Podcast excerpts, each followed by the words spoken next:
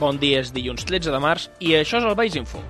Valls Info, el daily informatiu de Ràdio Ciutat de Valls, la ràdio per internet de la capital de l'Alt Camp. Avui destaquem que Toni Egea s'uneix a la llista electoral del PSC per les eleccions municipals veyenques. David Prats ens ho explica. El PSC ha donat a conèixer un altre nom de cara a la candidatura de les eleccions municipals del proper 28 de maig. Es tracta de Toni Egea, soci de la Unió Elles de la Flama i amb un ampli coneixement del món sardanista. En el seu discurs de presentació, Egea ha assegurat que ha acceptat integrar-se a la llista socialista amb la voluntat d'apropar la cultura a tots els col·lectius. La nostra candidatura potenciarà la cultura a nivell de tots els seus àmbits, però vull remarcar que eh, des de la nostra candidatura volem arribar a totes les persones de Valls. És important que aquest nucli important de gent que no participa a la cultura assiduament, doncs eh, la puguem integrar. L'alcaldable del PSC, Rosa Maria Ibarra, ha destacat que estan preparats per liderar un govern de canvi. D'altra banda, ha recordat que des del seu grup parlamentari han demanat incorporar una partida partida de 200.000 euros al pressupost de la Generalitat per desencallar la licitació de la gestió del Museu Casteller de Catalunya. Estàs escoltant el Valls Info el daily informatiu de Ràdio Ciutat de Valls. I continuem explicant que el jutjat de Guàrdia de Valls decretava el passat divendres 10 de març presó provisional comunicada i sense fiança per al cineasta del Cuber Martí Guarc, que actualment té 23 anys. Guarc està investigat per una presumpta agressió sexual a una menor durant dos anys, segons ha detallat el Tribunal Superior de Justícia de Catalunya. El mateix divendres la jutgessa practicava l'exploració de la menor i prenia declaració al detingut. Finalitzada la compareixença, la magistrada acordava la privació de llibertat. La causa està oberta per un delicte continuat d'agressió sexual a una menor de 16 anys. La víctima té actualment 14 anys. Guarc eh, va ser detingut el passat dijous i l'endemà passava a disposició judicial. I per altra banda, a partir d'aquest dilluns 13 de març, totes les comarques de la província de Tarragona estan al nivell 2 del Pla Alfa per risc d'incendi. En total són 25 comarques de tot Catalunya en aquesta situació i 11 més que es troben en el nivell 1. Aquest darrer cap de setmana va arrencar ja amb 15 comarques catalanes en el nivell 2, entre elles el Baix Camp, l'Alt Camp, la Conca Barberà, el Priorat i el Baix Penedès per culpa de la situació de sequera, altes temperatures i humitat baixa. A causa d'aquesta activació queden prohibides les activitats de risc com la crema de restes vegetals o fer foc en zones d'esbarjo, amb la qual cosa ja s'han suspès més de 35.000 activitats de risc a la natura. I també comentem que el gegantó Lladre Faves tornarà a Picamoixons per la Festa Major de Sant Josep. Novament, David Prats ens ho explica.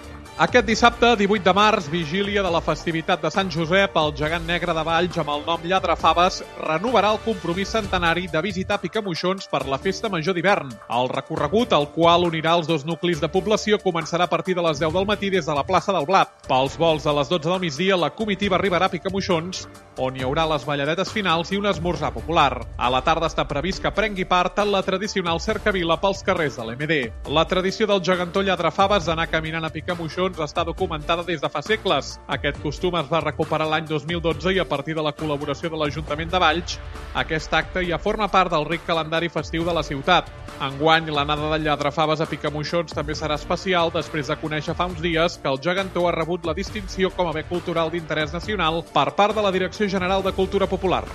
Estàs escoltant el Valls Info el daily informatiu de Ràdio Ciutat de Valls. I acabarem amb la nostra habitual pinzellada dels esports vellencs que han patit un cap de setmana nefast. Per començar, el Club Bàsquet Valls perdia davant el Granollers. Ens ofereix la crònica del partit Jaume Pros. Derrota del Club Bàsquet Valls Òptiques Teixidor aquest dissabte al Joan Ballart davant del Club Bàsquet Granollers per 67 a 70. Aquesta derrota allunya els vellencs dels primers llocs de la classificació i posa pràcticament a l'alçada d'un miracle poder optar els llocs que donen accés accés al play-off d'ascens a l'Et Plata. Pel que fa al partit contra el Club Bàsquet Granollers, els de la capital de l'Alcamp van sortir a la pista amb molt poca intensitat, deixant que els de Granollers, que venien de patir quatre derrotes consecutives, es fessin amb el primer període per 17 a 20. Durant el segon quart van poder veure els millors minuts de bàsquet per part dels dos equips amb un club bàsquet Valls Òptiques Teixidor que pujava les revolucions imprimint més velocitat i intensitat al seu joc.